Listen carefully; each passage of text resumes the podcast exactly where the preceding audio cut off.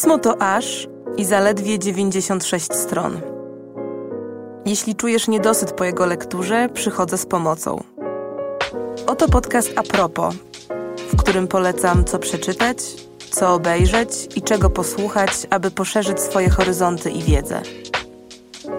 Zapraszam, Zuzanna Kowalczyk.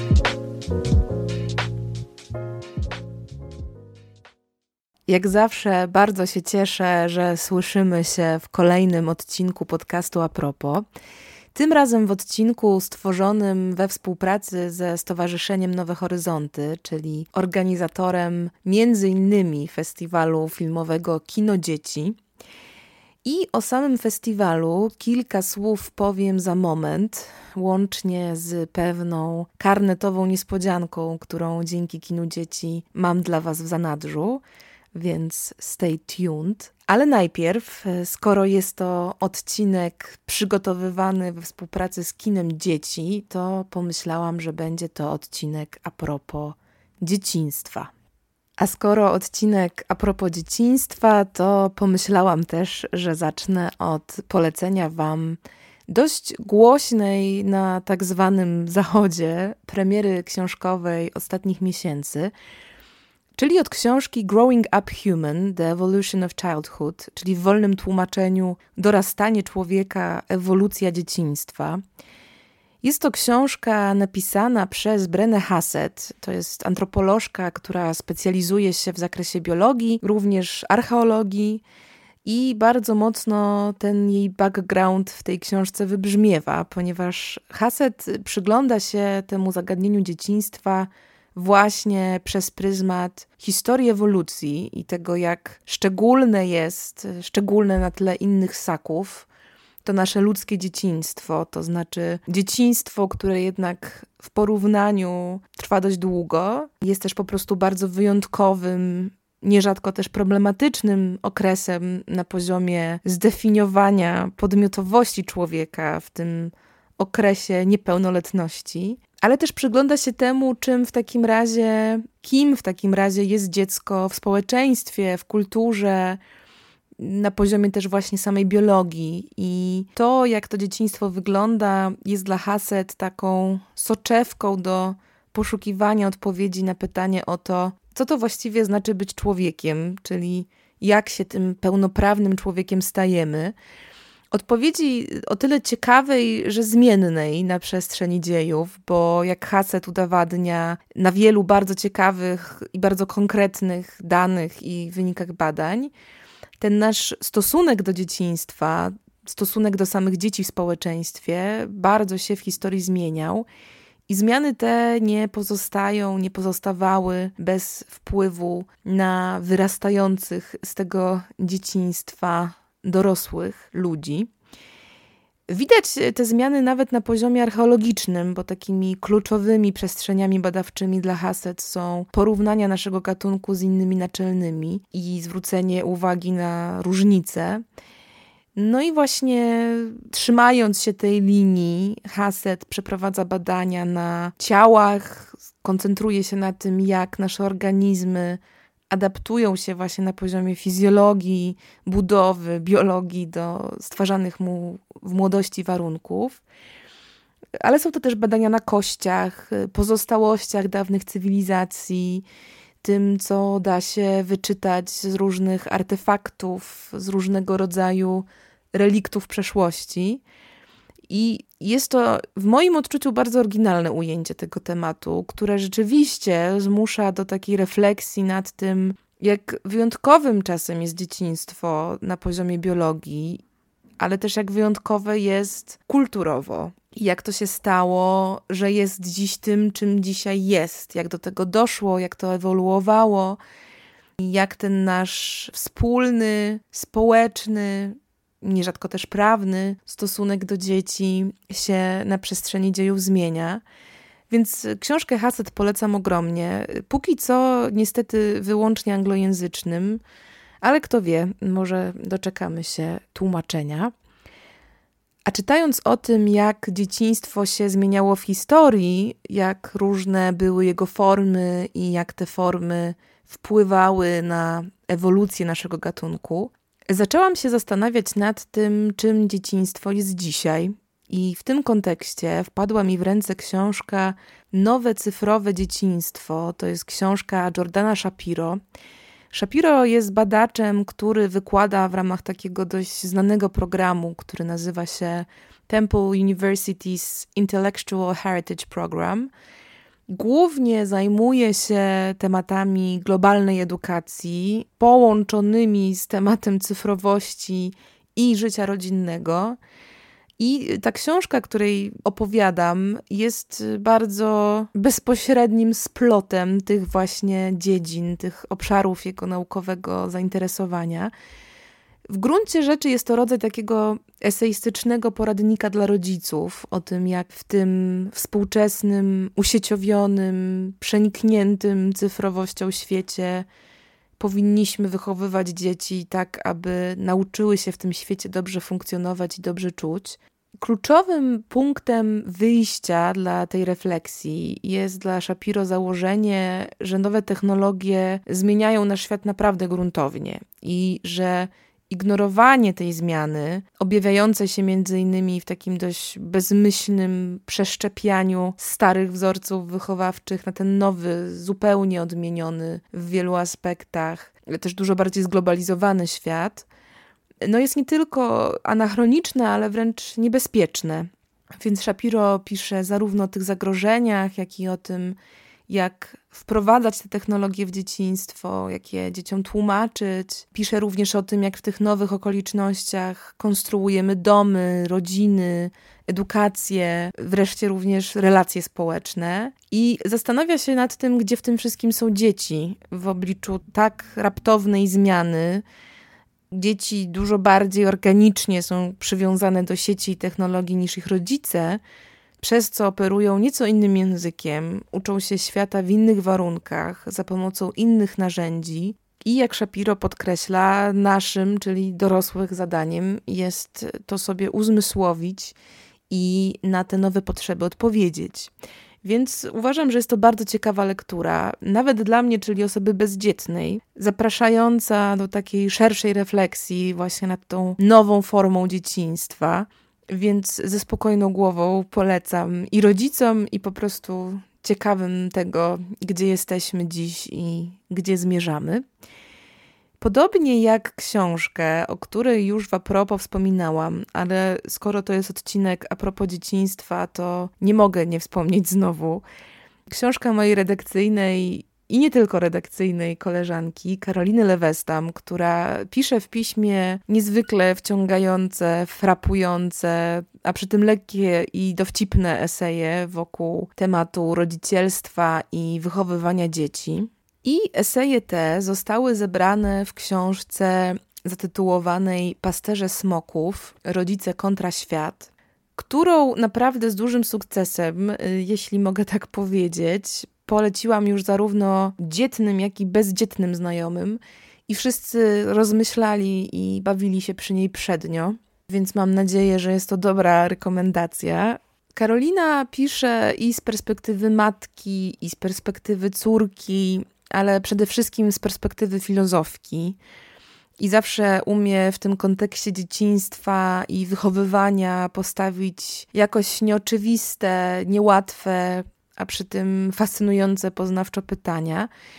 Także w gruncie rzeczy teksty te są po prostu tekstami o naszych ogólnoludzkich rozterkach, wyzwaniach, decyzjach, a nie tylko, czy też aż o posiadaniu potomstwa. Część tekstów w tym zbiorze była wcześniej publikowana na łamach pisma i do takich tekstów należy m.in. tekst zatytułowany Pochwała Narni o mocy, władzy i dorosłym w literaturze dziecięcej, w którym to tekście Karolina wspomina o książce, którą i ja chciałabym w tym odcinku Wam polecić, czyli o książce dla dzieci. E, choć, jak to z dobrymi książkami dla dzieci, jest to książka również dla dorosłych, która nosi tytuł Tam, gdzie żyją dzikie stwory. To jest książka Maurisa Sendaka, Książka absolutnie magiczna i jeśli jakimś cudem jej nie znacie, to nie tylko poznajcie, ale też obdarujcie nią znane wam dzieci, bo rzeczywiście nie bez powodu jest to taka książka symbol, Mówię to z taką pewnością, że możecie ją znać, ponieważ jest to jedna z najbardziej znanych książek dziecięcych na świecie. Jej pierwsze wydanie miało miejsce w 1963 roku i od tamtej pory na świecie sprzedało się ponad 19 milionów jej egzemplarzy. W Polsce, co prawda, została wydana dość późno. Sami nadrobić ją, czy też właściwie uzupełnić jej lekturę, możecie oglądając też film, ponieważ film na jej podstawie nakręcił nie kto inny, tylko sam Spike Jones. Więc polecam i oryginalną książkę Sendaka i film Jonesa, którego zresztą bardzo, bardzo lubię. Są to nieco inne dzieła, sami się zresztą przekonacie, ale to sedno, ten kręgosłup tej opowieści jest jeden i ten sam. I jest to w jakimś sensie metafora nauki okiełznywania swoich emocji, będąc dzieckiem. Jest to również metafora potrzeby przygód, jak i po prostu metafora samego dzieciństwa, metafora bycia dzieckiem. Mam wrażenie, że żadna inna naukowa lektura tak dobrze nie tłumaczy tego, co to znaczy być dzieckiem, jak ta niewielka książka Sendaka. I w tym kontekście wydaje mi się to właściwym poleceniem na właściwym miejscu. To samo wydawnictwo, czyli wspaniałe wydawnictwo literatury dziecięcej Dwie Siostry, wydało również książkę Tiny Oziewicz. Książka ta nosi tytuł Co robią uczucia. I jest to dla mnie też taka bardzo wzruszająca w swojej prostocie i pięknie zilustrowana książka. W tym przypadku ilustratorką jest Aleksandra Zając. Jest to książka z tego rodzaju książek, których braku w moim dzieciństwie bardzo żałuję, bo książka ta robi coś absolutnie nieocenionego, czyli w bardzo prosty sposób tłumaczy dzieciom świat emocji. Czyli świat, którego niestety większość dorosłych uczy się później w bólach na rozmaitych terapiach, bo o emocjach, jak się okazuje, wbrew pozorom w procesie dorastania wiemy niewiele i niewiele się uczymy i niewiele z niego rozumiemy. Więc takie książki dla dzieci jak ta Tiny Oziewicz są naprawdę genialnym wstępem do uczenia się kontaktu z własnymi uczuciami. Więc wszystkich rodziców zachęcam do podarowania swoim dzieciom lub po prostu dorosłych do podarowania bliskim sobie dzieciom, bo ważna to praca, bardzo potrzebna i można tą naukę własnych emocji, naukę wrażliwości robić właśnie dobrą, mądrą i piękną literaturą dziecięcą, ale można to robić również mądrym dziecięcym kinem. I tutaj całe na biało z odsieczą przychodzi Kino Dzieci, czyli festiwal organizowany przez bliskie memu serduszku Stowarzyszenie Nowe Horyzonty. Tegoroczna edycja odbywa się w kinach w 20 miastach w Polsce między 24 września a 2 października, a chwilę później odbywa się online. I online festiwal ten będzie trwał między 6 a 23 października. A ja mam dla Was w prezencie trzy karnety na cały festiwal online. I to, co należy zrobić, aby mieć szansę taki karnet dostać, to należy napisać maila o tytule Kino Dzieci myślnik a propos na adres promocja małpa magazynpismo.pl i napisać w tymże mailu, jaki film z dzieciństwa zrobił na Was największe wrażenie, najmocniej z Wami został. Na odpowiedzi będziemy czekać do końca września, więc mocno zachęcam do pisania. A więcej wejściówek i do kina, i online na festiwal będziemy rozdawać na naszych kanałach w mediach społecznościowych, w szczególności na grupie na Facebooku stworzonej dla naszych prenumeratorów i prenumeratorek, więc również tam Was odsyłam i zapraszam.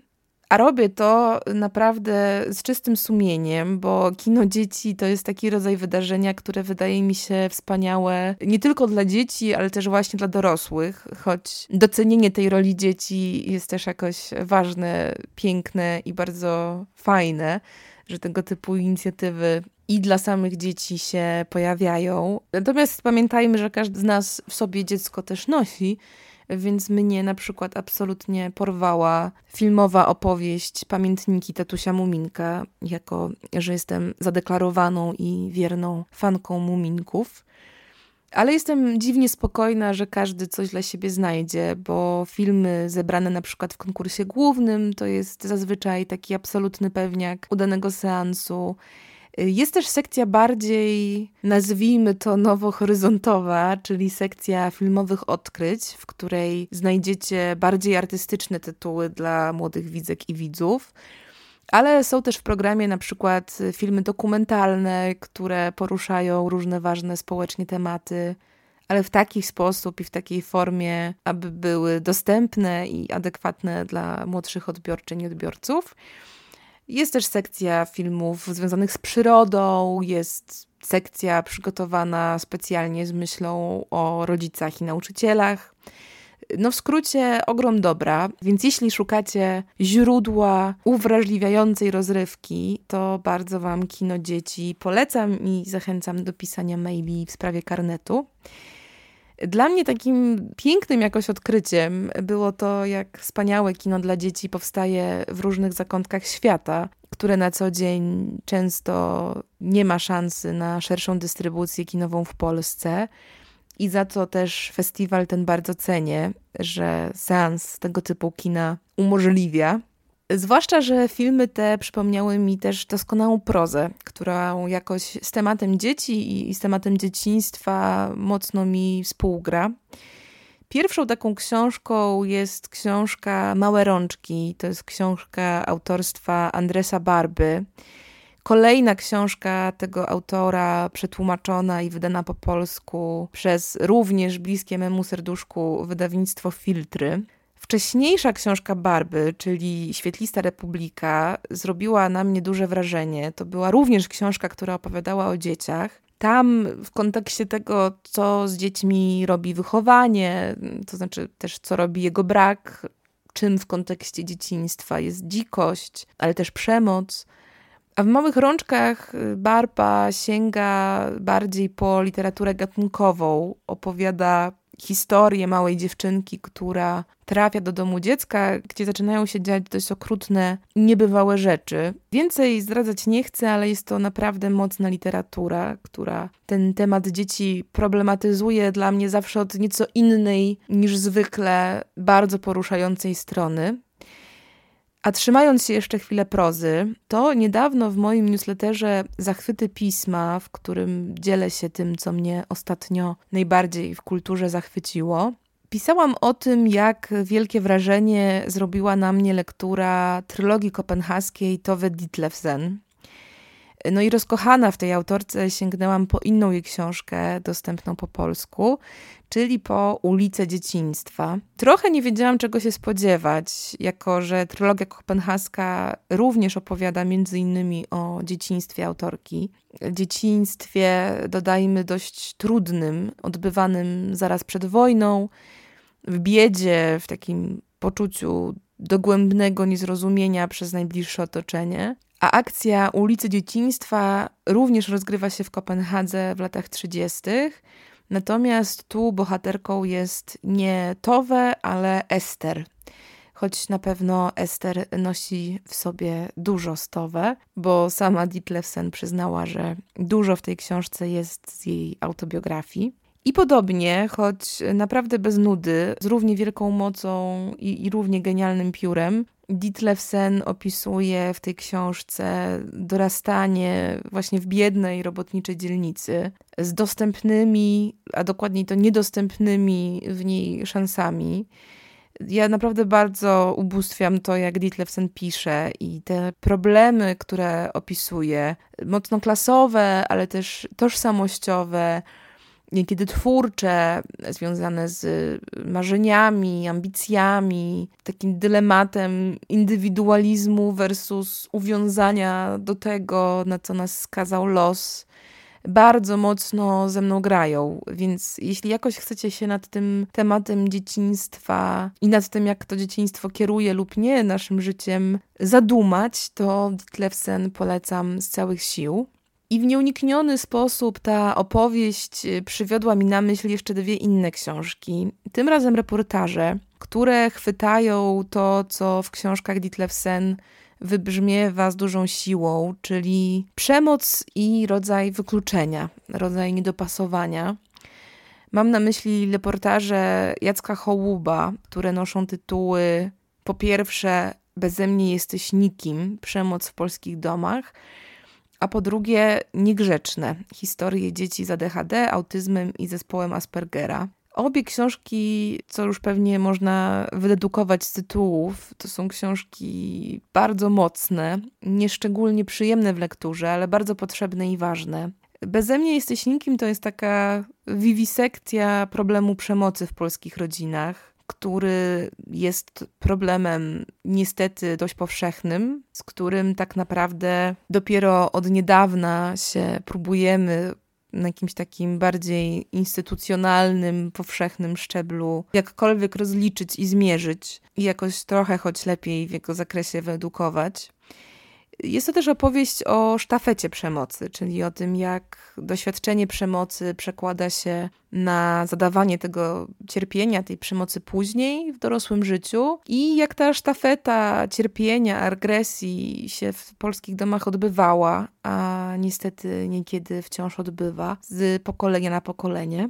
Jest to też wreszcie opowieść o samej istocie przemocy, czyli o tym, jak różną przemoc może mieć postać i jak głębokie zadaje rany, zwłaszcza kiedy zadaje się ją tym najbardziej bezbronnym, którzy jeszcze nie mają narzędzi, aby jakkolwiek się przed przemocą bronić i też jakoś ją prawidłowo rozpoznać o tym, jak przemoc działa, to znaczy jak wiąże się z władzą, jak wiąże się z hierarchią, poczuciem gorszości, ale też jak przez długie dekady, czy ba, właściwie wieki, kultura nasza tę domową przemoc neutralizowała i tabuizowała, sprowadzając przemoc do właściwie metody wychowawczej i czegoś przezroczystego jak powietrze.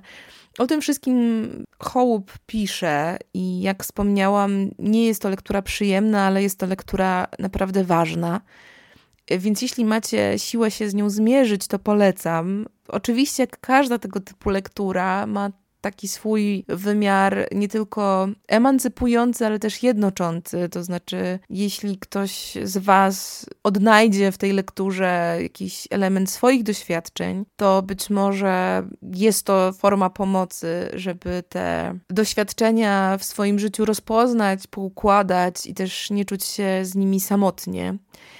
Zwłaszcza, że ta przemoc może mieć bardzo różne formy, jak wspomniałam, i oprócz tej najbardziej przejrzystej formy przemocy, czyli przemocy fizycznej, przemocą jest też chociażby wykluczanie ze względu na inność, takie usilne wpychanie dzieci w szufladki i różne przegródki, do których na przykład nie przystają w miejsce uznawania indywidualności dziecka jako po prostu człowieka. Też często sytuuje się takie oczekiwanie spełniania bardzo określonych oczekiwań, bardzo określonych kryteriów. I o tym z kolei mówi druga reporterska książka Hołuba, czyli książka zatytułowana Niegrzeczne historie dzieci z ADHD, autyzmem i zespołem Aspergera. To jest opowieść o tym, jak nasz świat jest wciąż nieprzystosowany do potrzeb dzieci z tego typu zespołami czy przypadłościami. O tym, jak te neuroatypowości są trudne dla dzieci, jak często skazują je na poczucie niezrozumienia, odstawania, bycia innymi, wykluczonymi. I wreszcie też jest to opowieść o tym, jak społeczeństwo nie rozumie ludzi, którzy inaczej widzą lub przeżywają rzeczywistość jak to niezrozumienie przekłada się na taką wręcz gettoizację, czy właśnie przemoc, i jak nasze instytucje publiczne są do tych potrzeb często niedostosowane. Znowu, lektura niełatwa, ale potrzebna. W zakresie jakiejś takiej świadomości, dywersyfikacji tych potrzeb, mam wrażenie, że coś się jednak stopniowo zmienia, ale jeśli takie lektury, takie książki będą miały siłę tę zmianę trochę przyspieszać, to tym bardziej dziękuję za nie i uważam je za niezwykle potrzebne. Zwłaszcza, że mam takie poczucie, że nasza edukacja i też nasz taki ogólnospołeczny sposób myślenia o roli, czy też pozycji, podmiotowości dziecka wciąż pozostawiają wiele do życzenia. Nadal mamy bardzo dużo luk do wypełnienia, dużo zaniedbań do wyprostowania. I dużo też wrażliwości do wypracowania, więc w tym sensie takie książki, filmy, taka kultura w ogóle jest na wagę złota. I mam wielką nadzieję, że będą w tym naszym stosunku do dzieciństwa coś stopniowo zmieniać w taką stronę, aby z tego dzieciństwa wyrastali coraz bardziej szczęśliwi, spełnieni, świadomi siebie i świadomi własnych granic ludzie. Jeśli chcecie o tę wrażliwość w sobie i waszych dzieciach trochę zadbać, to przypominam o szansie na zdobycie karnetu na Kino Dzieci Online. A ja bardzo dziękuję Kinu Dzieci za współpracę przy tym odcinku. I jak zawsze bardzo też dziękuję Wam za wysłuchanie tego odcinka do końca. I jak zawsze żegnam się słowami do usłyszenia wkrótce.